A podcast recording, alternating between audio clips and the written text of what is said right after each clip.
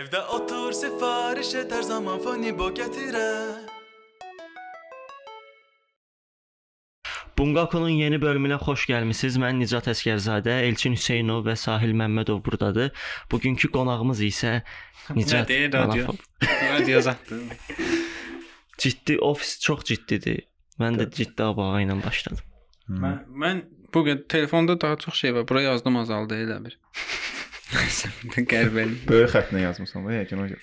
Hə. Nə var nə yox, nə edirsiniz?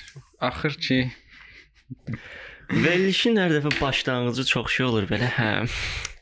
Necə başlayaq? ayo, necə yəni necə baş. Ondan əvvəl çox danışırıq deyə qalırıq sonra belə. Nicat çox sağ ol ki, gəlmisən. Xoşdur. Yəni Yəni gəlməyib də ağara bilərdim. Başqa variantım yox idi. Hə də. Nicat, sən e, yəni əsas peşə olaraq özün nə görsən, biznes konsultant, biznes məsləhətçisi yoxsa entrepreneur yoxsa nə marketinq, marketer yoxsa? Əslində bu sualın cavabını bilmirəm sözün açığı. Yəni peşə olaraq bir işlə məşğul olduğumu düşünmürəm, amma düşünürəm ki, məşğul olduğum hər şeyi eləyə bilərəm də. Hal-hazırda paralel olaraq 4-5 dənə iş eləyə bildiyim üçün. Amma belə tanınmaq istədiyim elektron təcrübə mütəxəssisi və biznes məsləhətçisi kimi. Hə. Çünki ondan pul qazana bilirəm ona görə. Hə də, hə bildim. Peşə biraz elə bir şey deyil. Yəni nədən pul qazanırsan, əslində onun peşəkarısan. Pul qazanmadığın bir şey hobbi olaraq olur, o peşəkar olmursan. Hə, Mən elə düşünürəm ki, pul qazandığım sahədə peşəkaram, o birilərini hobbi olaraq edirəm. Yəni amma sən bundan hamısına pul qazanırsan axı. Yəni deməli Saydıqların hamısından. şey Nicat daha çox qazananı peşə sayır, biraz az. Nicat düşür. Yox, bəzən çox yandıram həqiqətən, amma e, işə biznes konsultasiya və elektron ticarətdə yaxşı qazanıram demək olar. Biznes konsultasiya məsələn qiymətlərindən dən danışaq da. Məsələn, niyə bahadır? Sənin saytında gördüm. Niyə 250 manatdır məsələn 1 saatı? 1 saatda sən o nə qədər nə dəyər qatırsan ki 250 manatlıq. Mən prosta qiymətlər maraqlı niyə? Əslində onun e, məsələn Messenger-də mənə yazırlar ki, sizinlə görüşə bir çay içək, nə bilim, mənim fikrim var, bir məsləhət ver və s. Hə, Bütün keçmiş nə işləmiş hamısını yazdım saytıma. Məsəl üçün mən o 250 dollarlıq e, belə deyim də başa düşmək üçün 250 dollar saat ona verəcəyim faydanı bəlkə də 100 min dollar ucuzaraq anlamışam. Məsələn mən ona deyirəm ki, məsələn mənim saatımın qiyməti 250 dollardır. Adam əgər mənə hörmət edirsə, 1 saat boyunca da düşünürsə ki, mənim fikrim dəyərlidir, o ödəməlidir.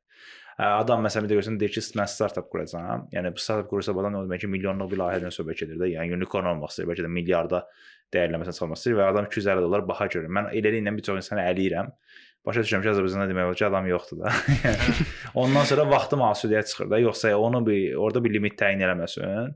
Məsələn, mən nə bilim 3000 followerim, 5000 dostum, 8000 o insandan istəsəm 20-30% yazmaq istəyir, görüşmək istəyir. Hı. Və beləliklə onlara belə şey qoyuram da. Yəni özüm üçün rahat qara Limit sayt. qoyursan. Hə də hə. Öz bir şey var, saat seçəndən sonra ödəməlisən kartına mütləq. Mən indi məsələn səndən çox görüşürəm də. Mən səndən keçdiyim hər saat 250 manata bədəl bir şeydir də onda belə. Dollar, dollar, manat. Dollar. Dollar, dollar idi, Dollar. o idi o. Yox deməzdim. Manat saz əslində. Yo, yo, dollar. Elə bizə deməzdim. sıçdıq da biz. Yox, yox deməzdim, deməzdim. Çünki ona çox ciddi hazırlaşıram, brief götürürəm və sair araşdırıram. Yəni orada biraz daha adam yorulur və o kimi bir şey eləmək istəmir. Yox, o biraz daha ciddi işdir. Yəni orada mən belə normal həyatımda heç vaxt biznes aidi sirləri bölüşmürəm. Maraqlı da deyil mən ətrafıma. Mən bildiyim şeyləri bilməsəm. Mən nə- əksinə istəyirəm ki, ətrafımdakı insanlar mənə qədər bilikləri, yəni mənim sahəmdə bilməsinlər. Çünki onlar mənə qədər bilsələr, yəni mənim burada bir funksiyam olmaz. Hı.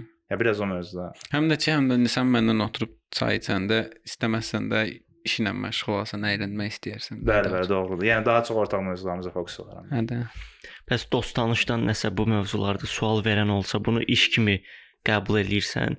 Ha, burada ən çox problem qardaşımla yaşayıram. Yəni Çünki olur e, kimsə vəkildir məsələn, tanıyırsan, hamı gəlir sual verir də, nəsə işi olan kimi gəlir vəkildən soruşur ki, "Hə, bu tanışdır, bilir. O Mən- da məcbur havayı verir bu işi. Səndə necə olur? Ya tanışlar gəlib nəsə sual verəndə iş qururam falan, biznesim var.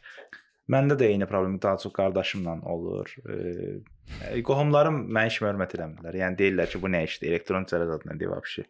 Bilmirlər də. Hə, deyir ki, dövlət gül kimi dövlət işində işləyirdin də, niyə çıxdın? Hələ qalıblar 5 il əvvəl. Bizdə də var. Yox, təzə peşələr yaranıbdı. Elə bir köhnə nəsil bilmir də o peşə nədir. Deyəndə ki, bu bu işdə işləyirəm. Bir ad- adam data analitikası üzrə mütəxəssisdir, başa düşdün?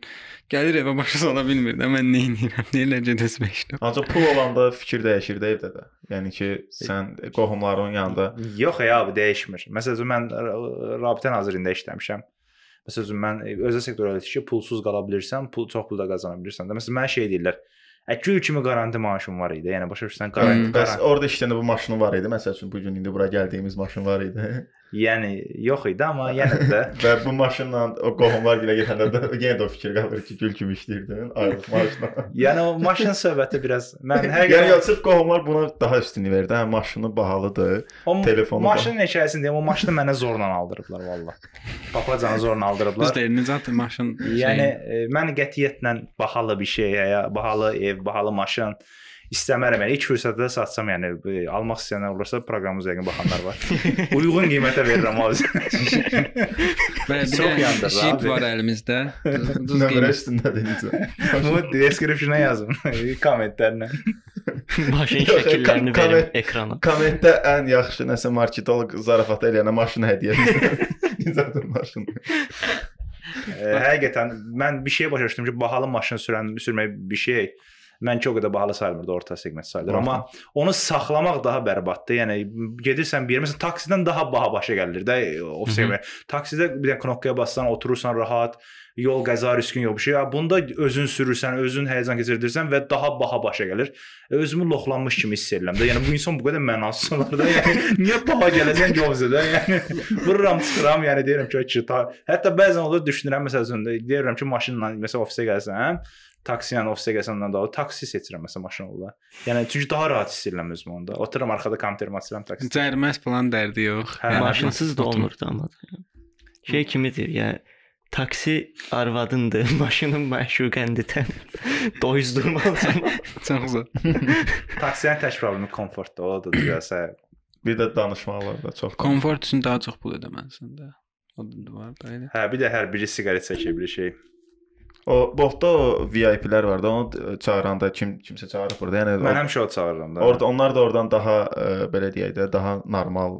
Ya o Hı. birislər də normal təbii ki, var da indi aralarında ancaq danışan. Yəni onlarda da o konsultasiya keçiblər ki, sakit durmaq lazımdır. Müştəri danışmasa danışma. Orada Yox, elə deyil. Onlarda mən sadəcə nə e, o seçirəm çox vaxt kartla ödəməni ləğv eləmirlər. Ola bilər də. yəni də ekonom gələ, qardaş kartla nağdı ekonomda. Yəni kartsa lazımdır. Yəni o sırf o hekayəni eşitməmək üçün. Orada o- bir dənə mənasız söhbət var. Elə bir kartla sifariş verəndə danışırlar ki, kartdı. Nağdda sifariş verəndə xırdaları olmur da. Düşürsən elə bir sən elə bir düşüb marketdən pul xırdalamalısan, ya bu düşüb pul zaman sənə pul versin falan. Da bunun kartından ödəyirdim də. Onda onlarda kartiya çıxır axı, mənfiyə gedir. Məsələn, Biz- onlar bolta ödəniş Hı, yerlər. Bizdə Foniboda şey eləmişik, bizdə də kart nağd söhbəti var, amma sifarişi çatdıranda görürsən də kart yoxsa nədir? bizdə kart olsa da pulu izləyirlər. Yəni də Mən bir dəfə taksi şoferinin nağdı yox idi. Dedi, sən mənə bütöv pulu ver, geyim xırdalayım. Getdi, gəldi mənə Red Bull zad almışdı ki, bu da səni aldım zad. Niyə mənə almısan axı? Mənim pulumdan. Ləkbatan Çox komfort taksi idi. O. Nəsə Ləkbatan söhbətini danışmıram. Taksi küsmüşdü məndən bir dəfə ki, onun taksisinə minmədim, 12 manatdan yığırdım, manatlığa mindim. O 1 manatlıqlar o taksi sayılmır ha. Onlar e, mikro mini avtobusdur. nə də 4 nəfərlə bir yerdə minirsənsə mikro mini Daha indi çox inkişaf elədi bu. O sadəcə avtobusun ortadan bölünmüş. Birazdan ayaq üstə zad keçəcəksən. yəni mən deyir taksini, manatlıq taksi. Yəni elə bir nəqliyyat növü yoxdur axı. Məsələn girirsən Bolta, nə bilim ekonom, biznes manatlıq. Səmimi ortamdır. Mən bu olimpiyada vaxtı taksiyə mindim. Şeyə getmişdim stadiona. Çıxışda taksiyə mindim. Şofer qayıtdı ki, olar başqa müştəri də götürüm. Dedim götür də. Biraz keçdi, bir 100 metr sonra biri mindi, biraz keçdi, biri mindi. Maşında mən bir rus, bir fransız, bir də ingilis gedirdik. Bütün yolu fikirləşmişəm ki, görəsən hansı Latviya qurban gedirəm hal-hazırda mən. hansı Latviyanın içindəyəm də.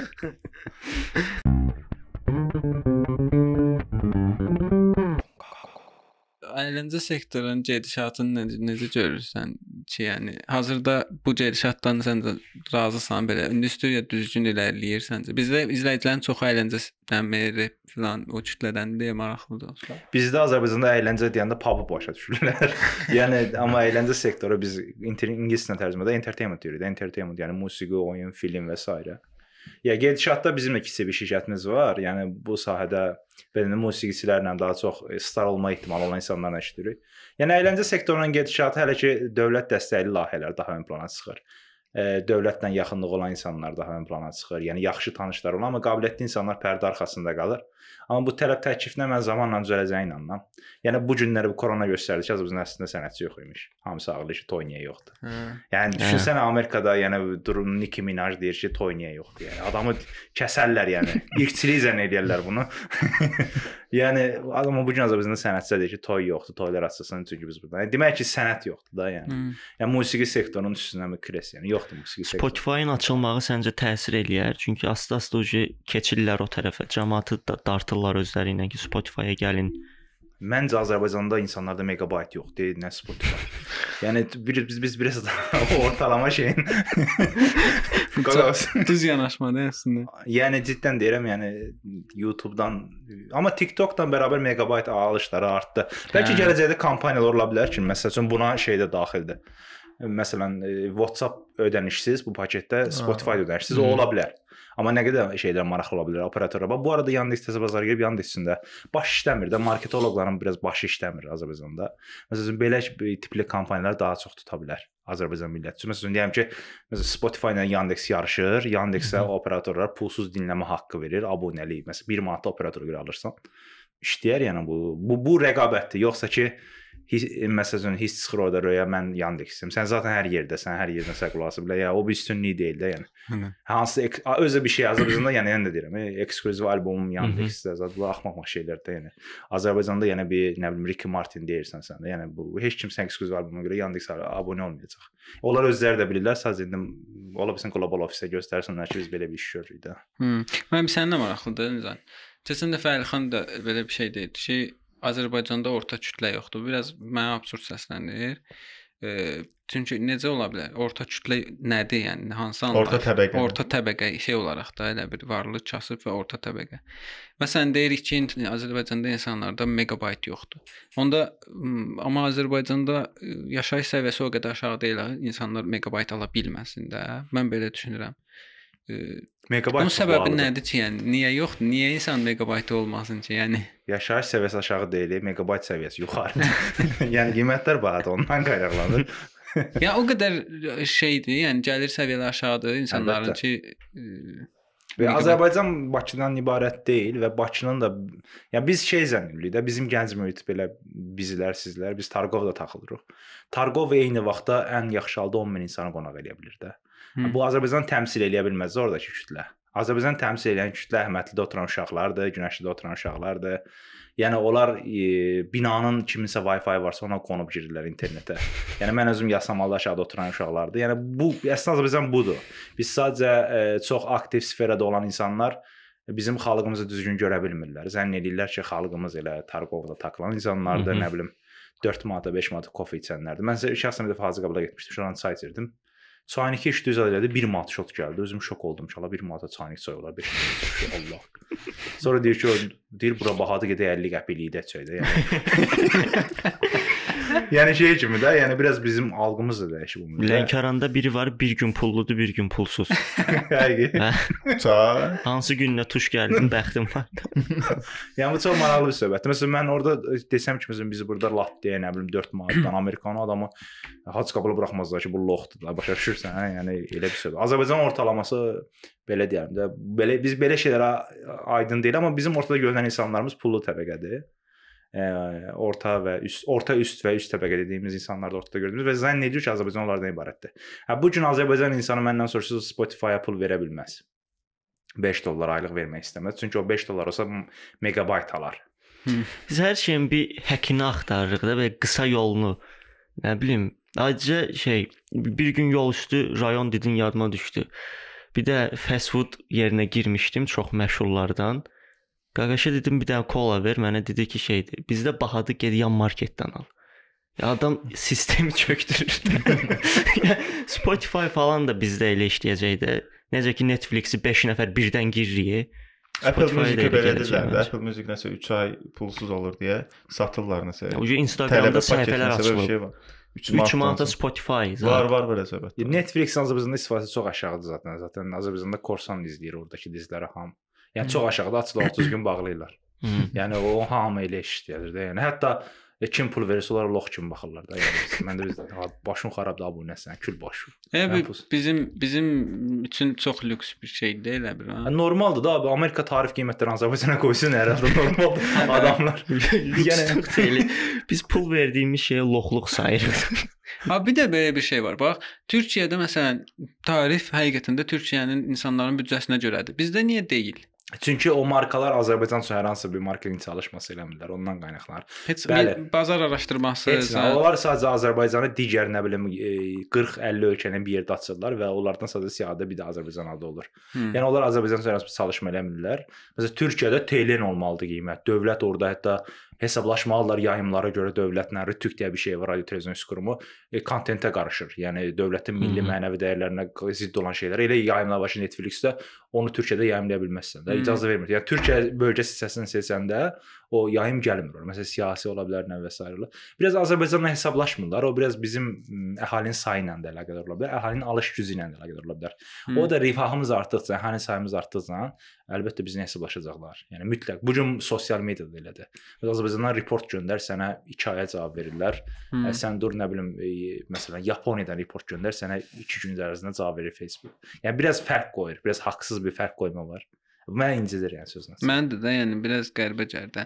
Bizə niyə alış gücü yoxdur deyirik? Alış gücü yoxdur, tarif düşməlidir də.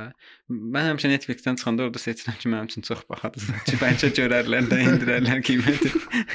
yəni yəni məsələn Gürcüstanın da Avropanın da nə qədər ölkəsi var ki, bizlə eyni qədər əhalisi var.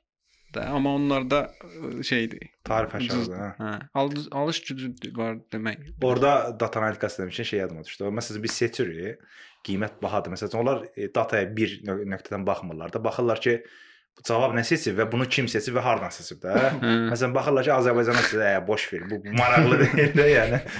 yəni burada az adam sayda, yəni Hə gəlirli səviyyəsi aşağıdır. Məsələn baxırlar ki, buna 10 milyon insan report edibsə, onda ciddi alırlar. Baxırlar ki, bunun ortaq nöqtəsi nədir?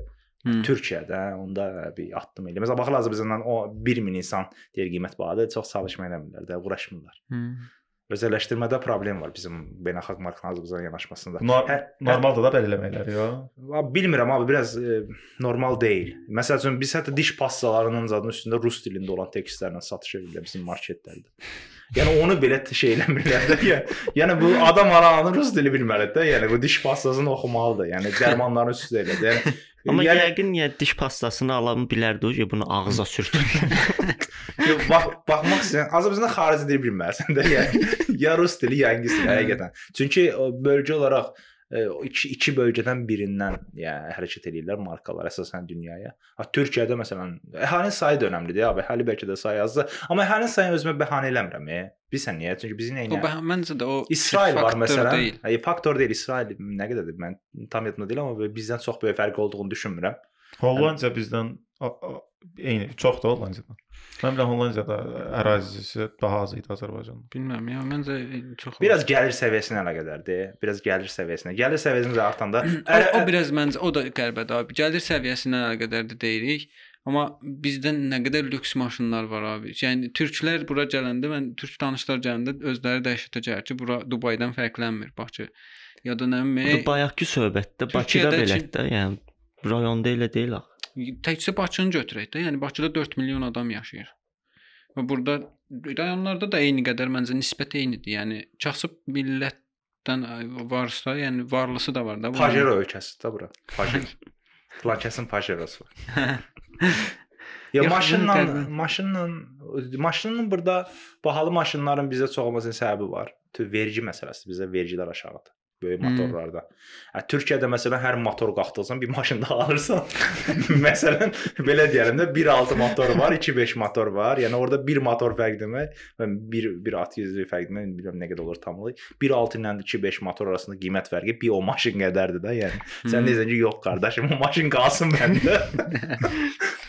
yəni o vergilərlə əlaqədardır. Məsəl üçün bu, bu lüks vergilərin artırmaq lazımdır Azərbaycanda. Məsələn, əhalinin ə, kasıb təbəqəsinə yayılan vergilər deyil də lüksə yayılan. Məsələn, beygir gücü yüksək olan maşınlardan daha çox vergi, bahalı nə bilim daşqaş olanlardan daha çox vergi. Mhm. Yəni beləliklə biz ədalətli şeyə çata bilərik, rifah topluluğuna. Amma yoxsa ki bir dənə qanun çıxır hamiyə, kasıb, nə bilim 20 manatlıq cərimədir, kasıba da 20 manat, varlıya da 20 manat, varlı e, vecinə deyil, kasıb yazsın belə eləmə. ya bu maska qanunu kimi bir şeydir də. Məsələn mən zəngin olsam, mən 200 manata qədər, mən maskasız da gəzərəm hətta. Hmm. 200 manatı bir də cibimdə daşıyaram ki, məsəl üçün qoca cərimələsin hava alımda. A kasıba 200 manat qardaşımın bir, bir aylıq maaşında sən bu 200 manat yetir- Nəfəsini alırsan əlindən sən. Yəni bu hər variantı axtaracaq ki, o verməsin də sənə. Bu əslində çox həqiqi məntiqli deyil. Lüksə olan şeyin vergisini artıra bilsən. Yəni pilləvari vergi sistemi hər hər şeydə uyğunlanmalı. Təkcə gəlirlərdə yox, cərimələrdə də olmalıdır. Məsələn, gəlirlərdə vergi dilimləri Azərbaycanda dəyişir. Mhm. 5000 manata qədər maaşın olanda bu qədər 3000 manata qədər, amma bu cərimələrdə də olmalıdır. Məsələn, sənin gəlir səviyyənə görə. Bu bilirsən niyə Azərbaycanda yoxdur? Azərbaycanda insanların gəlirləri şəffaf deyil. Hə, heç kimin gəlirini bilmən. Baxırsan adamın aylıq gəliri 250 manat, 300 manatdan, amma adam nə bilim Lexus sürür. Yəni biraz qara pul çoxdur. Atalar sözü evimizi yıxdı, kişi maaşını bilməzlər zadlar. Hə, Oradan başladıq biz gəlir. biraz qara toplumuq. Bir adam həqiqətən 4 motordan yuxarı maşın sürürsə, deməli bunun vergini ödəməyə də pulu var da. Yəni bu Vardır. adam uje lüks istəyir də. Yəni bu lüksə girir, ehtiyaca girmir əslində. 4 motordan yuxarı maşın niyə lazım olsun ki, düz şəhərdə gedirsən də. Yəni tıxacda qalırsan da abi. partlayır maşın orada. Hə, o vergilər Əsəbləşdim. yəni. ürəyin sıxıldı, hə, 4 page. Hə Allah.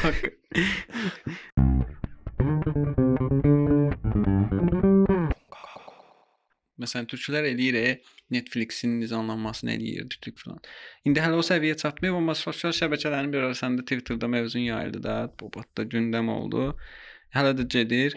E, yəni sosial şəbəkələrdə deyək ki, nizamlanma səncə nə cür olmalıdır ki, heç kimin inciməsin? Yəni həm də ki, düzgün qaydada apara bilsinlər. də. İnsanlar zənn edirlər ki, sosial şəbəkələrdə bir qanun yoxdur, orada tam azaddılar, amma məsələn qeydiyyatdan keçəndə orada user and terms and var da, user and terms e, conditions var. Məsələn 20-30 səhifədir, hər gündə bir səhifəsi əlavə olunur da. Hə. Yəni iki başlayanda iki səhifə ilə başlayırsan, sonra gəlir ki, biz yenilədik, qəbul elə, biz yenilədik, qəbul elə. Heç sən də qəbul edirsən də. Yəni e, şirkətlərin öz daxili nizamnamələri var. Qanunlar var, şirkət daxili qanunlar və bu qanunlar eyni vaxtda Azərbaycan qanunverici ilə dəstəklənməlidir. Məsələn, hörmət eləməlidir. Məsələn, mən deyirəm ki, akkauntum hacklənib. Mən gedib polisə şikayət eləyəndə hansısa hacker mənə ifşa eləməmişdən qabaq, biabır eləməmişdən qabaq, nə bilim, hoqqa baş basmamışdan qabaq bu müdaxilə olmalıdır buna sürətdə. Ha bu gün Azərbaycan eləyə bilirmi bunu? Eləyə bilmir. Mən bunu deyirəm, mənə deyirlər, "Ay yox, nə bilim, senzura qoyacaqlar, tweet ata. Ay kim nə edir sən tweeti axmaq tweetləri. Sən zaten atırsan nə olur ki indi? Nə dəyişir? Məsələ o deyil, məsələ təhlükəsizlik məsələsidir. Yəni sənin sağ bir gün problemin çıxanda dövlət sənə kömək eləyə bilmir. Hı. Sən Facebooka yazırsan, Facebook sənə baxır from Azərbaycan 2 2 aya cavablayarıq. Yəni 2 aya sən intihar eləməsin yaxşı da baş vermiş hadisə. Hə. Yəni burada bir problem var. Robotlar sənə cavab verir. Robotdan insana keçənə qədər 5 dənə mail yazmalısan. Baş ofisə məktub göndərməlisən dəfələrlə. Yəni bizi biraz şey görürlər onlar. Yəni biz ona görə bizdən pul qazanırlar reklamdan qəşəng. Ə, Azərbaycandan qazanırlar reklamdan qəşəng. Yəni bizim ölkədən bunlar pul qazanırlar. Yəni boş söhbətdir. Ona görə yəni Türkiyə təmsilçisi necə şey, bura təmsilçi olmalıdır hər markanın.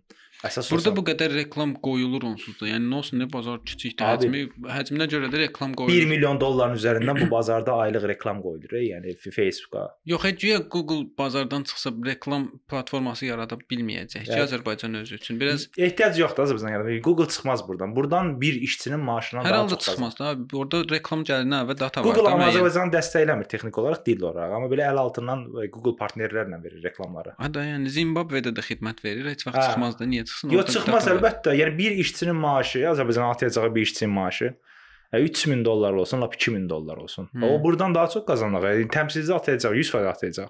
Məcburdur ha. Ay çünki burada baş verən problemləri başqa cür biz qarşısını ala bilməyəcəyik. Yəni çox şey ola bilər. İnsanlar intihar eləyirlər, insanları şantaj eləyirlər, nə bilim, internetlə təcavüz eləyirlər. Yəni insanlar azadlığından başqasına şiddətə, məsələn kimsə kimisə aşırı dərəcədə təhqir eləyir, toplu halda linç eləyirsə, yəni bu hate speech-dir. Bunu Amerika çıxardıb bu qanunu. Nifrət nitqi qanununu Amerika çıxardıb. Hə biz deyirik bizdə nifrət, nifrət nitqi qəbul olunsun, deyirlər ha bu nədir bu senzuradır. Ha bunu çıxardan Amerikadır zaten. Başqa bu dünyaya yayan Amerikadır. Facebookun hate speech haqqında reporting bölməsi var. Prosta Azərbaycana gələn reportinqə gec baxırlar. Yəni problem odur. Yəni biz deyirik bizimkinə tez baxsınlar. Azərbaycanı başa düşmürlər. Söyüşlə, möhüşlə, ənəşlə yazırsan, o sən deyirsən bu hate speech-dir. Adam başa düşmədiyi üçün deyir hate speech-dir, qalsın. Bir dənə şey deyim də, indi o, o həmin o təmsilçi olsa deyək ki, burada kimsə də mənə hate speech eləyibdi. Mhm. Mən bunu bildirirəm adama. Adama bildirmirsən. Məhkəməyə gedəndə o, o məhkəmə o təmsilçini çağırır məhkəməyə. Qarşısında Hmm. adam olur. Yəni sən şikayət eləyir. Bu gün Facebook şikayət edir məhkəməyə heç kim gəlməyəcək məhkəməyə. Məhkəmə 1 ay, 2 ay, 3 Robot ay. Sonra qardaşım belə bir şirkət bizim mövcud deyil deyib. Biz yəni Avropa İnsan Hüquqları Məhkəməsi zaten getməsə bu da bu, boş şeydir. Yəni kim uğraşır? O təmsilçini verə bilsən məhkəməyə çünki Azərbaycanın təmsili olunur. Hmm. Yəni verirsən o məhkəməyə haqqı alırsan da yəni. Yox, ey, mən hansısa ikinci, üçüncü bir şəxs Hə. Facebook üzərindən deyək ki, şantaj eləyir, Şan- təhqir eləyir Bəli, və bəli. Mən bu adamı məhkəməyə verirəm, yoxsa həmin təmsilçiyə deyirəm ki, belə bir şey var, bunu silin. Yəni bunu necə- Yəni orada sən report eləyəndə, yəni onun bəlli bir müddəti var da report eləyəndə və burada ən çox fake profillərdən söhbət gedir. Yəni adam tanımırsan məsələn, adam Hə. qoyub adını Adil Əliyev. Azərbaycan Bakıda olsa zaten da- Daxili İşlər Nazirliyi orqanlarına getsən, həlli bu adam yoxdur ümumiyyətlə, fake adamdır da. O təmsilçi o adamı ortaya çıxarmasında dövlətə kömək eləyir ki, bu adam bu ayıbdəndir. Bu adam əslində məsəl üçün Fəriddir. Hə gəl gəl, gəl bununla məsələ həll elə. Daxili İşlər məsəl daxili İşlər orqanlarına verir ki, get bu Fəriddir bu, bunu tutun, bu da eləyən. Bunu cərimələyin. Hmm. Hə burada çıxarda bilmirsən ortaya. Hmm. Və ya nə bilim kimsə e, belə də şantaj eləyirsə və s. eləyirsə və cinayət tərkibi bir şeydirsə, məsələn adamı tapmağın belə məsələn Fərid Əliyev adında 50 mindən Fərid Əliyev məsələn profilinə də ananas şəkli qoyub. Ha nə biləsən o kimdir? Hmm. Yəni biraz e, belə deyim də bu insan e, ki həyatda təmsil olunur, yeriyir, danışır, onun bir kimliyi varsa, internetdə sən bir digital aydın olmalıdır insanların. Zaten bu dövr buna gedir. Olma hamımızın digital aydisi olacaq. Hı. Yəni biz e, sürətli bir şəkildə elədiyimiz əməllərdən cavabdehlik daşımalıyıq. Ən azından təhlükəsizlik üçün. Hı. Yoxsa bunun qarşısını almaq olmaz. İnsanlar hər birini şərləyər. şər- Ondan sonra bir dənə troll qrupu yaradarsan, e, 500-600 nəfərlik, hamı bir nəfərə gündə qaralayar, söyər, biabır eləyər, qutarsız getdi. Hə belə şey olur. Bu eləmə çox asan indiki dövrdə. Var özdə deyəsən bizdə cartdı nədir adı qaqaş. Prosta bə- bəzi adamlar düşünür ki, e, daha çox sahədə olub sui-istifadə olacaqdı belə şeylərdən. E, hansısa məsələn deyək hansı məmur bundan sui-istifadə eləyib səni e, nəyəsə görə səni nə bilim üzə çıxardacaq falan. Hə, Prosta belə bir şey olsa zaten eləyirlər də onu heç o Ya o məmurun, hə, məmurun orada nə şey var ki, məmur zaten imkanı var. Yəni o başqa yollarla sənə zaten Tapır. zəngin alır, sənə tapacaq hər cür. Hə bu olan kasıb olur axı. Biz bu kasıbın haqlarından danışırıq. Kasıbın vaxtı yoxdur. Yəni bu Kasıb normal adam. blokator. Hə də, yəni belə deyim, gücü çatmayan insanlara burada şantajdan söhbət gedir. Yəni bəzi insanlar şey zənn edirlər. Yəni burada bu qanun gələcək, sosial medianı regulasiya eləyəcəyik biz. Bu qanun gələcək. Hə ondan sonra bizim yerimizə Facebookdan post atacaqlar. Elə bir durum deyil axı bu. Sən yenə də öz fikirlərini ifadə elə, yəni. Sən sadəcə öz fikirlərində özünün cavabdehliyi daşıyır. Yəni həqiqətən deyirəm, qanun çərçivəsində bu gün Azərbaycan YouTube-na bax, top 50-yə bax. Açırlar YouTube-a, "Ə, filan kəsinlə var, yoxuna belə-belə." Ya bu normal kontent deyil axı. Bu insanlar deyir ki, insanlar izləməsin. İzləyənlərə ləzzət eləyir axı. Yəni birisinin heyt eləmək, o YouTube-a da report edirsən, YouTube başa düşmür orada nə danışır. O söyüşün birini qoyub Azərbaycan dilində. nə bilim, ay sən nanu, nə bilim belə eləyərəm. Nə o YouTube başa düşmür axı. Report edirsən, gələ buna alt yazı qoya adam. Hmm. YouTube o çevrilə Google Translate-dən başa düşsə, deyir ki, hə bu heyt. Your mother very beautiful. Yəni o report edirsən, baxmır YouTube ona. Yəni vecinə almır, təmsilçi olsa. Hə də elə yəni belə kimsə səni söysə gərək gəlib tapıb həmin adamı döyəsən. Ya Yəni bu da mənə Facebookda söydü. Başa düş. Bunun başqa şikayət metodu yoxdur da elə bil. Hə də Əlibəy yaxaya çıxır. Biraz bilsən insanlar e, əslində burada söhbət E, insanlar biləcəklər ki, bu qanun var və onlar tapıla biləcəklər. Özlərini biraz daha hə normal həyatdakı necə ki biz yolda gedəndə tanımadığımız insanlar bizi söymürlər. Sosial mediada elə olmalıdır. Tanımadığın insan səni söyür. yəni yolda gedəndə səni söyə bilməyən insan Facebookda güc tapır, Twitterdə güc tapır, səni söyür. Çünki sənin onunla rastlaşma ehtimalını düşünmür. Hı. Yəni o gücün o gizliliyindən alır. Hı. Ya gizliliyindən güc almaq olar. Qaçaqçılıqdır ya belə. Yəni digital qaçaqçılıqdır yəni. Hı. Yəni cyber crime-dir da, yəni e, şey m, nə bilim siber cinayətdir bu. Yəni sən gizliliyindən, gizliliyindən, yəni düşünürsən ki, səni tapa bilməyəcəklər. Və sən gəl həyatda məsələn sən məni söy, mən səni söym, qarşılıqlı söyüşək.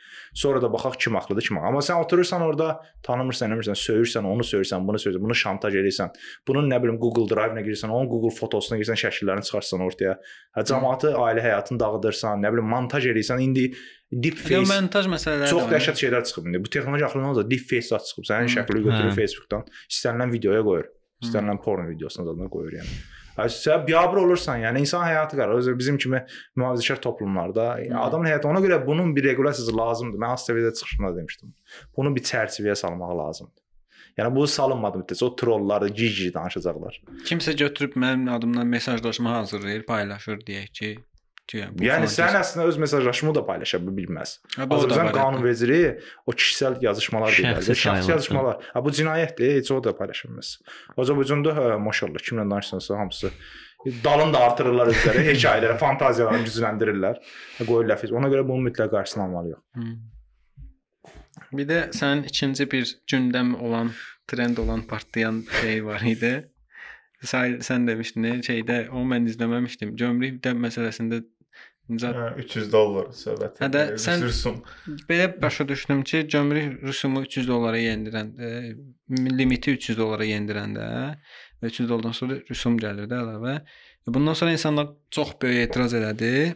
Sən də bu məsəl atmışdın ki, tweet e, doğrudur.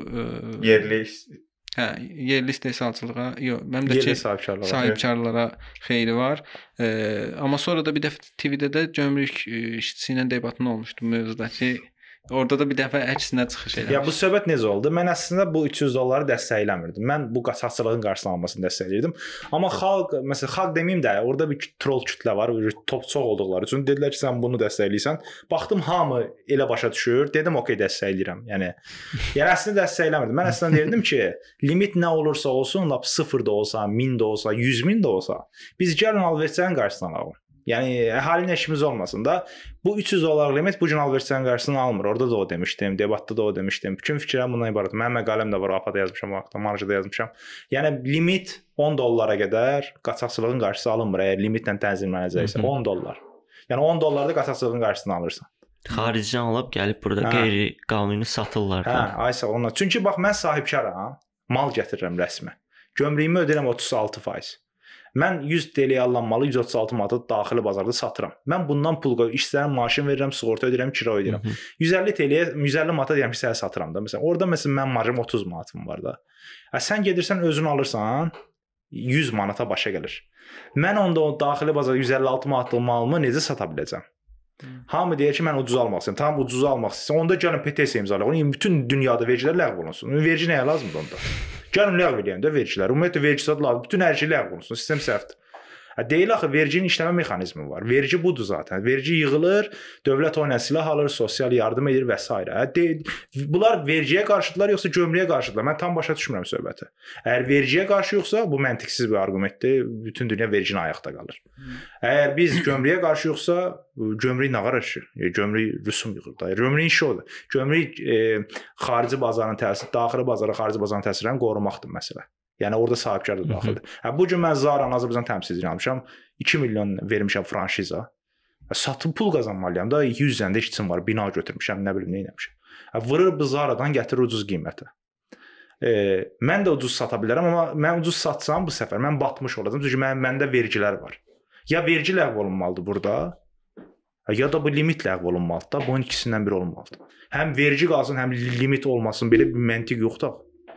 Yəni şərait təkcə sahibkar üçün yox, e, təkcə vətəndaş üçün yox, sahibkar üçün, ekosistem üçün hamı üçün olmalıdır tədbir. Hı. Və bu gün mən bütün dövlətlərdə olduğu kimi dövlət e, vergi yığımını artırmağa mə- məşğuldur. Yəni dövlətin əsas şeyi vergi yığı- yığımını artırıb, rifahı artırıb və ondan vergi yığımı yığıb dövlət gücləndirməkdir. Amma bu gün baxırsan Azərbaycanda vergi yığımını azaldaq deyə petisiya edirlər. Məncə rifahı artırmalıyıq. Məsələn, necə eləyək ki, biz gedək Türkiyədən almayaq, özümüz ürətək məsəl üçün paltarı. Buna baş sındıran sahibkar varmı? Yox.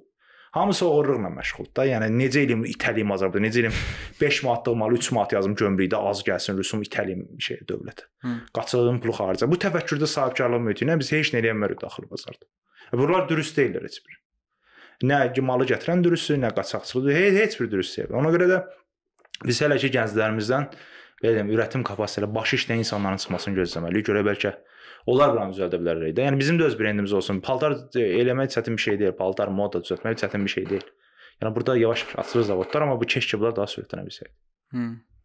Təkcə orada yox, ey, hər yerdə hər şeyi istehsal edə bilməzsən, ey, onsuz da səndə. Yəni deyək ki, mən bu gün mikrofon almaq istəyirəm. Mikrofonu ə, ə, yəni deyək ki, Azərbaycan nə bilim, maşın istehsal elədi, paltar istehsal elədi. Amma da mikrofon da istehsal eləmədi də, bir bir zəhmət onu da eləməsin deyək ki, hər şey eləyə bilməz. Amma mən indi bəzi şeyləri xaricdən almalıyam. Onda belə bir hər bir ölkənin bir ümumi GMV-si olur da, yəni ki, deyək ki, düz dedim onu ki, Yəni, yəni, biz buna trading deyirik. Məsəl üçün sən e, daş verirsən, o sənə silah verir. sən ona nə bilim, sən ona mikrofon verirsən, o sənə neft verir. Yəni biz Azərbaycan olaraq Sövdələşmədir də bu əslində, yəni Bəli, bəli. sadə. Biz Azərbaycan olaraq bu vaxta qədər neft vermişik. Nə veriblərsə neft Hə, də, hə, hə, vermişik. yəni qardaş nə var həndə neft gələ. Nə var həndə neft.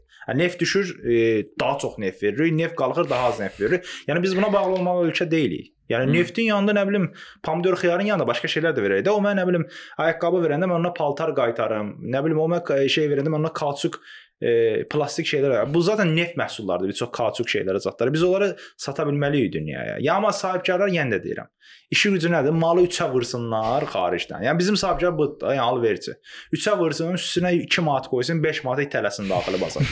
yəni bundan başqa heç bir vizyon yoxdur. Yəni bu doğru deyil axı bu. Hı. Yəni sən biraz daha çətin adam utanmır. Yəni bu gün Amerikada Marsa yol axtarır. Yəni hansı sahibkar? Marsa necə uça bilərəm? Çünki ay azada gedib. Və bizimki mal vurmaqla məşğuldur. Mal vurmaq nə deməkdir? Mal vurmaq. Yəni bu Azərbaycan sahibkarlıq mühiti bu gün 90% üzrə mal vurmaqla məşğuldur. Yəni xaricdən malı vurur, basır daxili bazara. Yəni bu sahibkarlıq mühitinin də bir e, rəngarəngliyi olmalıdır. Biraz da xaricə mal vuraq, biraz da burada ürətək. Nə bilim, bir, bir, gedək Çində ürətək. Sataq Özbəkistana, onun rivahını Azərbaycana gətirək. Yəni deyirəm ki, deyil, deyirlər məsələn Azərbaycanda şərait yoxdur. Hə tamam, Çində var şərait. Get Çində ürət. Ha orada ürədə bilmirsən axı. Səndə qabiliyyət yoxdur. Çində istehsal elə Ha get Çində istehsal, sat Özbəkistan, Tacikistan, pulun gətir burada xərcləyək. Ha yoxdur axı, səndə o qabiliyyət yoxdur. Basıb bağlayırsan. Hı. Yəni bizə o yenə də deyirəm, e, qabiliyyəti olmayan insanlar, qabiliyyəti olan insanları ürəkdən salıb sındırırlar, sonra da onları özlərinin işçisi eləyirlər. Məsələn, çox parlaq fikri olan gənc var. Onun yaxşı ideyaları var, e, komandası var. Bir dənə də pullu dayday var. Hə onun ideyasına pulu yatırmır, deyir ki, sən mən işçim, o mənim də axmaq ideyam var, onu dalıcan gedək. Mal vuraq gətirək sədə daxil bazar. Hə, məsələn belə-belə Azərbaycanda gənc qoymayıblar. Yəni sındıra-sındıra, maddi olaraq onları sındırırlar. Amma xaricdə Amerikada necədir? Avropada necədir? Parlaq fikrim var, məndə pulum var. Mən axotum yoxdur beyin yormağa. Mən daydayam da. Mən mən işim gücüm bu deyir də. Yəni oturum texnologiyanı Snapchat-da filtr düzəldəcəm texnologiya başım çıxmır. Mən səhər kimi 100 dənə gəncə investisiya eləyəcəm. Aruzdan bir tutacaq, partlatacam.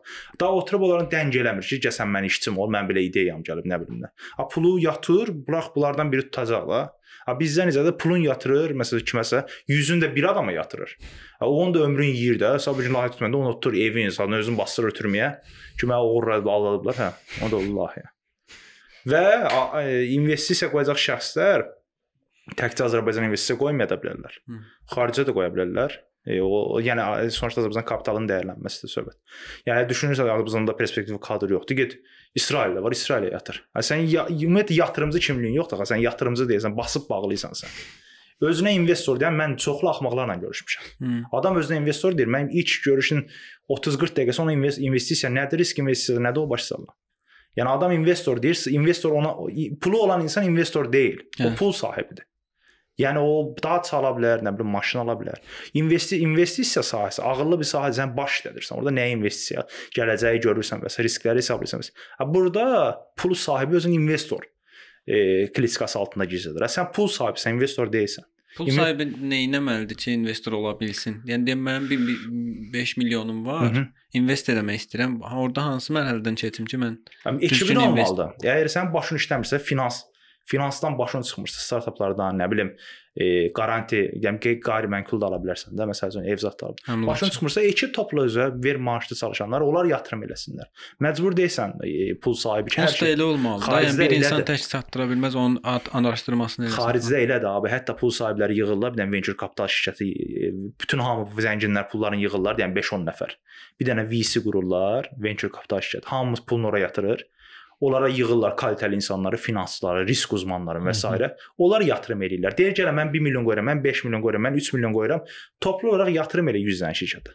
Vizyon yoxdur. Biz Buradakı yatırımcılar, yatırımcı deməyim də, ola pul sahiblərində e, vizyon əksikliyi var. Traditional bizneslərlə, qloballa yarışmağa çalışırlar. Bunun hara Hı. yetəcəklər? Bəs elə bir şirkət niyə yaranmır səncə Azərbaycanda? Belə bir venture şirkət niyə yaranmır? Ad olaraq Azərbaycanda yaradırlar.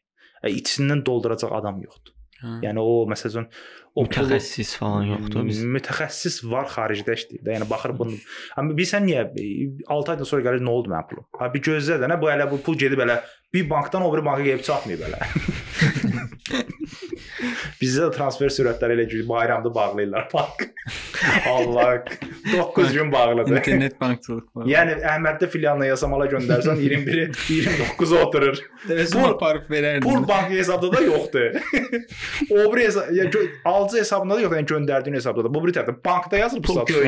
Hardasa bir yerdə dayanıb. Yəni o mən elə bir elə bir pul gəlib kimisə qa- stolun üstə qoyulub, o müəllim 29 işə gəlib ona qol çəkəcək, deyirsən onu. Nə mi? Gəliz də o barədə biraz. Yəni çox şeylər var, orada çox təzadlar var. Adam həqiqətən dü- düzgün yolunu bilmirsən. Niyə belədir? Bax traditional bizneslər, de- traditional ənənəvi yolla biz e, qlobaldakı rəqiblərə baxıb nümunə götürürük. Amma Azərbaycan bazarında o heç nümunələrin heç biri keçmir əslində. Yəni Azərbaycan Çox fərqli reallıqları var da. Burada bir dənə yolumuz var, o da ki, buranın ölkənin qapılarının xarici investisiya mühitini açmalıyıq sonuna qədər və azad məhkəmə sisteminə onları təminat altına almalıyıq ki, qardaş, sabah bir gün e, kimsə gəlib sənin pulu oğurlayanda mənim məhkəmə sistemi tutub ondan sağ alacaq. Hı. Yəni bunun bir tək yolu budur. Bu da birdən-birə olmayacaq. Biz oturaqlaşmış bir sistemdən gəlmişik. Bir- Bəzi kultlar oturub. O da biraz zamanla dəyişəcək və mən düşünürəm yaxın 10 ildə Hı. o azad məhkəmə sistemi, elektron -hı. məhkəmə sistemi tam azadda. Yəni bilirsən necə məmur gücü, oliqarx gücü və məhkəmə sistemlərini idarə edə bilməyəcək. Məsələn, filan kəsin hakim məhkəmədə tanışı var. O onun qərarını hansısa məhkəmə qərarı dəyişməyəcək. Mən şahid olmamışam. E, elə bir şeylə məhkəmə şeyində üzv qalmışam. Amma başa düşdüyüm qədərilə belə bir şey olma ehtimalı var hal-hazırki ekosistemdə. Ona görə bunlar e, investor nəyə baxır, belə şeylərin nə qədər şəffaf. Məsələn, məhkəmə sistemi elek tam elektronlaşsa, tam şəffaf olsa, hamıya açıq. Məsələn, məhkəmə gedir, hamı girib Facebookdan baxmalıdır ona. Vəkil nə deyir? Birinci vəkil, ikinci vəkil, üçüncü vəkil. Vəkilə like qoy. Hə, hə, like qoy. Bax, bax da prosesin gedişatına bax da tam şəffafdır. Qərar çıxacaq, mexanizm oxuyacaq, qanun Var verəcək. elə söhbət hardasa. Dünyanın hər yerində var bu. Doğrudan. bəli, bəli. Hətta bəzi seri seriallar var məhkəmədən gedir. Məhkəməni bölüm-bölüm buraxırlar. Onu, onu bilirəm. Hə? Onun türklərdə deyəsən var idi. Belə bir hakim, türk bir avukat idi, hakim idi, şey vəkil ya da hakim. O belə bir serial tətbiq eləmişdi. Yaxşı hakimlərlə anlaşırlar onlarla. Bir də suçu işləyənlərlə deyirlər ki, 100 evro qol çəkin, məhkəməni biraz daha dizi, diziləşdirək də. Bölüm-bölüm buraxırlar məhkəmə. Bu da bir hər dəfə bir oğu bir cinayət eləmiş gəlir. Soruşur bunu niyə eləmisən? Çox qəşəng bir şey olar, ev fikirləş rekord qırır bölüm və həmin cinayətçiləri azad eləyirlər ki, bölüm rekord qıracaqlar. Oscar zad alır da. Gedişatı dəyişə bilər elə şeyə görə. Çox dəyişir. Azərbaycanda hər şey şəffaf və hesabat verilə bili olsa ölkə çox dəyişər. Məsələn siz hamımız baxmısınız da Zuckerberg-i çıxardılar senatların qabağına. Takka-tak suallar, axmaq suallar O döşüdülər. biraz indi publik şəxsdə axı onu çıxartmaqları şeydir. Hə- adi şəxslərin Facebookda girib şey Maraqlı deyil. Adi şəxsləri çıxardırlar. Bilinir bunun qərarları. Məhkəmədə iştirak edə bilirsən. Bu sadəcə maraqlı deyil heç kim adi şəxs. Amma yenə də həmişə açıq olmalıdır. Hətta o hə, proses. məsələn fikir e, məsəl üçün e, Azərbaycan çox maraq çəkən bir adam var. Deyirəm ki, yaxında məhkəməsi olub. maraq çəkən bir inter case. internet üzərindən baxmaq istəsən də onun məhkəməsinə. Hı. Şəffaflığına hakim danışır, vəkil danışır, bu danışır, nə o danışır. Gizlilik ilkəsi var orada düzdür, amma əgər yayımla ictimai xarakter daşıyırsa yayımlaya bilirlər. Hı. Hə, Baxırsan şəffaf məhkəmədən orada üçüncü tərəflər oturur. Yəni maraqlı olar. Yəni şəffaf olmalıdır ümumiyyətlə hər şey. Hı. Hətta şəffaflıq onsuz da ləzzət edir. Hər şeyin qabağını açır da, önünü açır hər şey. İnkişafın Güvən bilmirəm. yaradır da. Ən ən Hə, böyük həm- şey də odur. Hə də sən sağ bir gün xarici müsəlsən deyəcək nəsə mənəm mən eləyəcək, sən ölçün eləsən. Deyirsən ki, qardaşım, mən ölkəmdə məhkəmə üstümə internetdə də gir hansı subtitle da verirəm, gir ingiliscəsində oxu, nə getir orada. yəni sən hansı şeydən danışırsan, qanun vericiliyindən bu. Yəni bilsən qarşısına nə deyir, vurursan da o. Yəni o o bəhanəsi qurtarmış olacaq. Ha, Bu günləri çox şey e, daxildə, xaricdə çox qapalı görünür. Biz çox inkişaf eləmiş və belə deyəndə bu sektorlarda əslində inkişaf eləyirik və inkişaf eləməkdə olan ölkələrin başında da ki, sü- sürət olaraq da məsələn deyim ki, daha sürətli proqresslər eləyirik də. Amma bu anlata bilmirik dünyaya. Yəni xarici investor bunu görmür. Onların beynindəki Azərbaycan 10 il əvvəlki, 20 il əvvəlki Azərbaycandır. Yəni onu görmür. O biraz anlatmalı yox xaricdə ki, bunu elədi, onu elədi. Yəni biraz e, ölkəmizin də belə Hə, hə, ehtiyacı o dəxli. Xaricə çıxara biləcəyimiz bir ya bir şey yoxdur da. Hani 10 ildə elə dolma hara gedirik dolma. Ya bu dolma çıxa bilər xaricə. Biz o cəmaət robotla sat, ya biz dolma. Yo dolmanı sun, suna bilməyin önəmlidir. Yəni biz dolmanı suna bilmirik. Problem ondadır. Valla dolma ilə suna Adi düz deyir. Bəs yeməyin özü də elə bir şey ölkəyə investisiya gətirə biləcək bir şeydir. çox rahat gətirər. Ha, Məsələn, türklər lokuma görə yunanlılarla illər boyu dava eləyiblər də. Yəni Turkish delight-də yox da, giris nə bilim şeydir. yəni bunlar sənin e, culture-unla, və mədəniyyətində sənə cığrasızlıq şeylərdir. Bunlar üçün mübarizə aparmaq lazımdır. Ola bilsin biz texnologiyada pis, ola bilər bu zaman. Hamı texnologiyada yaxşı olacaq bir şey deyə bir şey yoxdur ki. Biz də kö- köklərimiz bizim ticarətə dayanır da. Biz biraz ərəb toplumu ilə yaxınıq, alverici millətik də, yəni bir alverə dayanırıq biz. Biz də bomba trading eləyə bilərik. Hı. O Çindən alıb Amerikaya satarıq, Rusiyadan alıb nə bilim Kitaya satarıq, nə bilim o Yaponiyadan alıb Amerikaya satarıq. Bizim də qabil qabiliyyətimizdə bunlar var da. Bu üzə çıxarmaq lazım. Biraz sərhədləri açıb bunları üzə çıxartmalıyıq ki, bizim həyatda qalmağımız üçün hansı özəlliyimizi inkişaf eləməlidir. Bizdə vasitəçilikdir də ancaq istehsal yoxdur Hə, amma aradayıq. Ola bilsin vasitəçilik bu dünya ən ən pul qazanılan bir- biz insanlıq olaraq mən elə düşünürəm bizim köklərimizdə vasitəçilik daha güclüdür. Yəni DNAmız biz sadəcə dünyaya vasitəçi olmaq, kiməsə kömək eləməyə gəlmişik. Hı. Məsələn Əlmərdan satır, e, Vəli istəyir. Əlmardan satdığından Vəlinin xəbəri yoxdur, Vəli istəmir. Biz bu daxil deyirik, calatçı deyirik də onlara. Bu qlobal çapda eləmək lazım. Motorola istəyir, nə bilim, get Nokia-dan alsa ona sat. Elə onu elə də. Yoxsa Hmm. burada Bakı Yasamaldakı Əhməddən içindən xəbəri yoxdur, itəliysən orada ona. 3 qatına, 4 qatına. Hamını şir. Mənim bir əmi oğlu var, o iki şey ucuz satır. Qoy onu çalayım sənə. Əslində baha satır. Hətta bizim o alverçi ənənələrimiz qalıb elə bir ölkə içində alver edirik. Bir-birimizə nəsə satırıq, qalırıq. Yox xaricdən abi burada satırıq.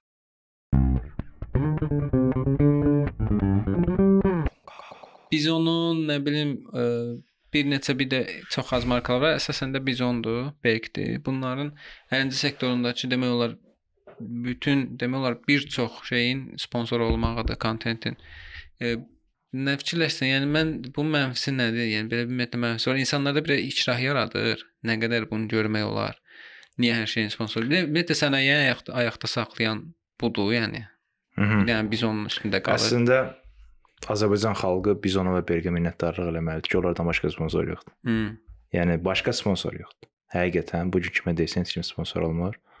Bizon, Berq, yəni eyni şirkətlər. Fərqli markalar olsa da demək olar eyni şirkətə bağlıdırlar.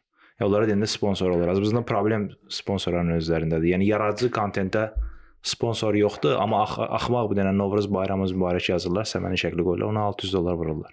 Hı. Amma orada uşaqlar var, məsəl üçün çox bomba kontent yaradırlar, elə bilirsiniz. Orqanik baxışı var Hə, məsələn. Orqanik baxışı var, ona məsəl üçün 500 dollar bütçə ayırmırlar, amma Pulu Google-a verirlər ki, qoyun şəkli, hə, Qurban bayramımız mübarək, ona 1000 dollar yatırırlar. Qoyun şəklinə 1000 dollar. Ya bu agentliklərin bədbəxtliyıdır. O sahibkara aldadırlar. Yəni deyirlər ki, SMA ciddi bir şeydir. Conversion görmürlər amma yenə də. Hə, Yəni də- görürlər səncə oradan nəsə? Yox, heç nə yoxdur. Nə odur ki, qara Qurban bayramımız var. O marketin hər hansı bir konsolidasiyası yoxdur ki, nabarot e, əksinə də doğrusu insanlar e, maraqlı kontent görəndə o marka ilə bağlılığı daha çox yaranır. Ya bir də ki, məsəl üçün mən də biz onun yerinə olsam, məndən başqa da sponsor yoxdursa, bölümü yarısını biz ona həsr edərəm. Onsuz da məcbursan izləməyə bu maraqlı kontenti. Burada rəqabət yoxdur, ondan qaynaqlanan problem. Yəni başqaları da sponsor olmağa, məsəl üçün Amerikada Coca-Cola'dır və sairə brendlərdə aktiv kampaniya fəaliyyətlərinə qatılır. Yəni hətta xırda kontentlər belə sponsor olurlar. Ayrıca amatör müzik kanallarına belə sponsor olurlar Türkiyədə Cola. Azərbaycanda mən Cola-nın hər hansı bir şeyini görməmişəm. Yəni olmurlar amator kontentlər. bir dənə bu yaxında deyildi, amma xırda xırda bir proyekt. idi. Fərdəyə nəsə şey eləyir, stand-up Ha, O da barəsində. heç üzə çıxmadı. Ya da ancaq yəni. məsəl üçün ruslarda məsəl üçün Lace da sponsor olur, Mercedes də məsəl üçün Samsung-da. Bunu klipdə əvvəlində gəlmir də belə Samsung yazısı, nə bilim. Hə, bumper. Rə rəqabət yoxdur onda ona görə də. Mən belə başa düşürəm ki, yəni enerji itkisi sahəsində çox güclü rəqabət oldu deyə fərqli reklamda markalar rəqabət girdi. yoxdur. Reklamda yoxsa ümumiyyətlə bazarda Yox, Bizon söhbəti tutub da, Bizon deyir ki, mən SMM-i axmaq-axmağa nə bilim aparıb giz-giz şəkillərə 200-300 dollar qoyacağam. Uşaqlar yaradırlar da kontenti. Elə o Ha. kontentə reklam vururam da. Hı. Ha başı işləyir adamlar. Başa düşürsən? Bizdəkilər markalar axmaqdır bir çox. Hı. Ya bunlar ancaq hansısa TV kommersial axmaq bir dənə ajansın axmaq ssenarisinə aparırlar 15-20 min pul verirlər. Heç kim də baxmır. Hı. Ona məsələn apar 20 min xərcləyirlər, amma bir dənə uşaq gəlir, mənim maraqlı kontentim var, bir dənə bura sponsor olsunuz. 1500-2000 pul lazımdır. Heç o qapıdan içəri buraxmırlar. Bu axmaq marketoloqların əməyidir. Bayaq Ya bunlar- elədiyimiz söhbətdə elə bir pulu e, çöldən çölə xərclən bir də pulu içəridə saxlamaq məsələsi var da. Yəni pulu sən burdakı kontentə yatırıb onsuz da eyni geri dönüşü ala bilirsən, amma getib Google-dan falan reklam vurursan. Bilirsən bunların markanın kimliyi var, markanın missiyası var. Markanın missiyası ancaq o reklam postlarının cəmaatı itələməkdir. Bu markanın bir məsuliyyəti olmalıdır. Yaradıcı kontenti insan dəstəkləyəndə özü də qürur duymalıdır. Amma azımızdan marketoloqlar SMM-dən qürur duyurlar, Facebookda gələn like-dan. Bunların başı xarabdır. Bunların müdirlərinin də başı xarabdır. Bunlar həftəlik like, komment atçot istəyirlər. Hı. Onu da ajanslar yolunu tapıb basırlar engagement-da. Harda axmaq like edən botlar var, hamısını yığırlar. Ayın axırında şey göndərirlər ki, müəllim, sizin postunuza Novruz bayramınız mübarəkə. Falan qədər like 30 dənə şeir var. 30 dənə şeir. 60 dənə səhifədə paylaşdırmışam Novruz Komment də bayramında. gəlib hələ. Hə, komment də gəlib üstünə bahəm. 200 dənə. Amma Racadı kommenti yazana. Sizlə baxım. hə, pay love from Pakistan. 300 dollar. Sizlə bax həmin qiyməti 300 dollardır da. Mən bir bank кейsi bilirəm Azərbaycanda banklar bir ara like üçün müdirləri bir-birinə yarışırdı. Həqiqətən Oyda. bax ciddi marketinq müdirlərinə söhbət Ən eləmişəm. çox like kim yığdı? Hə, o da Nigeriya botu basmışdı biri. ha deyir ya yoxdur da, kütlə yoxdur. Bundan tərəfi qalxmır. Yəni 1 milyon like-ım var da, yoxdur. Yazmasında yoxdur. Facebookda istifadəçi yoxdur. Düşün Aquavita Nigeriyaya sponsorluq verib də koyub ora git. Afrikadan çox suya baxırlar. Nigeriya botu basmışdı, keçmişdi o bir bankı. Və sonra belə heç nədən müdirə like lazımdır. Yəni çünki bilsən niyə banklar da e, normal rəqabətlə məşğul. Ölçülmür də, conversion ölçülmür. Yəni məsəl üçün belə deyim də, orqanik kontentdə məsələn deyim ki, orqanik kontentdə 800 nəfər baxır, axıra qədər baxır da, Hı hı. normal kontent. Hə, Adam hazırlayır 15 dəqiqəlik rolik və ya 3 dəqiqəlik rolik. Baxır 100 min baxış var, məcburi baxışda. Ortalama baxış saniyəsi 3 saniyə. Məsələn 3 saniyə müdirə göstərmirlər, 100 mini göstərirlər. Amma onun 100 mini baxan insanın 80% 3 saniyə baxıb video. Yəni baxmayıb. Hesabat verir 300 min insan baxıb. Hə bilsən bir-birini aldadırlar da. Yəni müdir aldanmaq istəyir, marketoloq o aldadır. E, Sifariş verirlər video rolik, o da ondan maşinlik. Tam bir maşinlik ekosistem tam bir-birini aldadır. Yola verirlər. Belə bir şey var prosta. Mən çox yerdə rastlaşmışam, işlədiyim yerlərdə də olubdu. E, marka SMM-i istəmir, amma bir yerdən də məcburiyyət yaranıb niyəsə. Elə bir e, çox marka var ki, bilir ki, şey mən SMM-i başımı buraxıram, bundan sonra eləməyəcəm. Amma sonra bir yerdən sonra nəsə əskikliyində hiss eləyir. Orda nəsə balans var. Məncə yəni nəsə paylaşımlar edilməlidir səhifədə falan filan, amma deyəsən Azərbaycanda belə bir rəqabət yaranıb deyə filan markadan geri qalmayım, mən də eləyim kimi bir şey yaranıb da. Məsələn, Sirap deyir ki, mən e, sirapa baxır, SMM-i zor eləyir, badamlı deyirəm, mən bir dənə SMM eləmərəm, qalaram geri bundan. Qoy mən də eləyim də, nədim 1000 manat verim eləyim. Orada 500 dollar qoyaram gedər. Belə bir şey suyunu rəqabət yaranıb Hə, image, image. Deyir ki, mən Facebookda yaxşı təmsil olunum da, postların göstərişli olsun. Hmm. Yəni Facebook uğrunda bir yarış gedir markalar arasında bütün dünyada. Bu doğrudur. Amma Bir də like yarışı var da. like yarışı da hə bu. Amma yenə də deyirəm, bu günləri Azərbaycanda kontentin olmamasının, yaxşı kontentin az çıxmasının səbəbi sponsorlar başdan xarabdır da. Yəni sponsor yoxdur sözün açığı.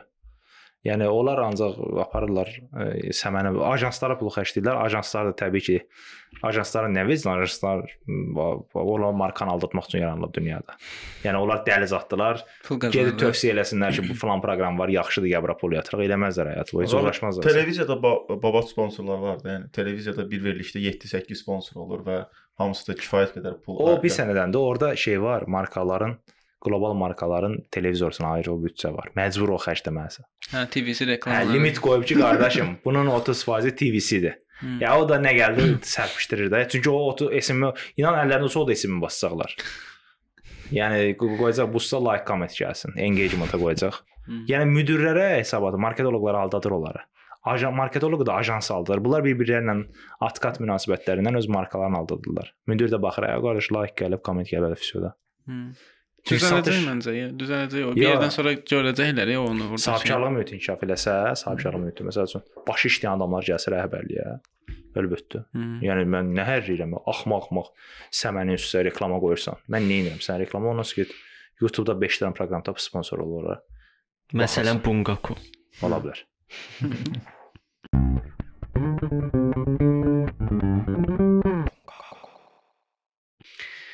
Sən əslində dəhşət mövzu var danışmalı. Amma bu bunu elədik. Bir dəfə də nə vaxtsa da, bir də nə vaxtsa vaxtın olsa bir gün yenə oturarıq. Ömrümüz Heç kim sağ. sadı bilmir hə prosta. Yəni çürütməli çox Sağ mövzu var da.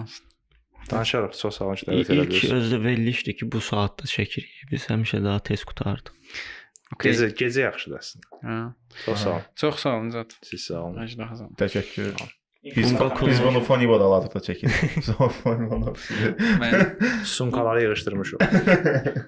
bu arada sponsorumuz Foniboya təşəkkürlər.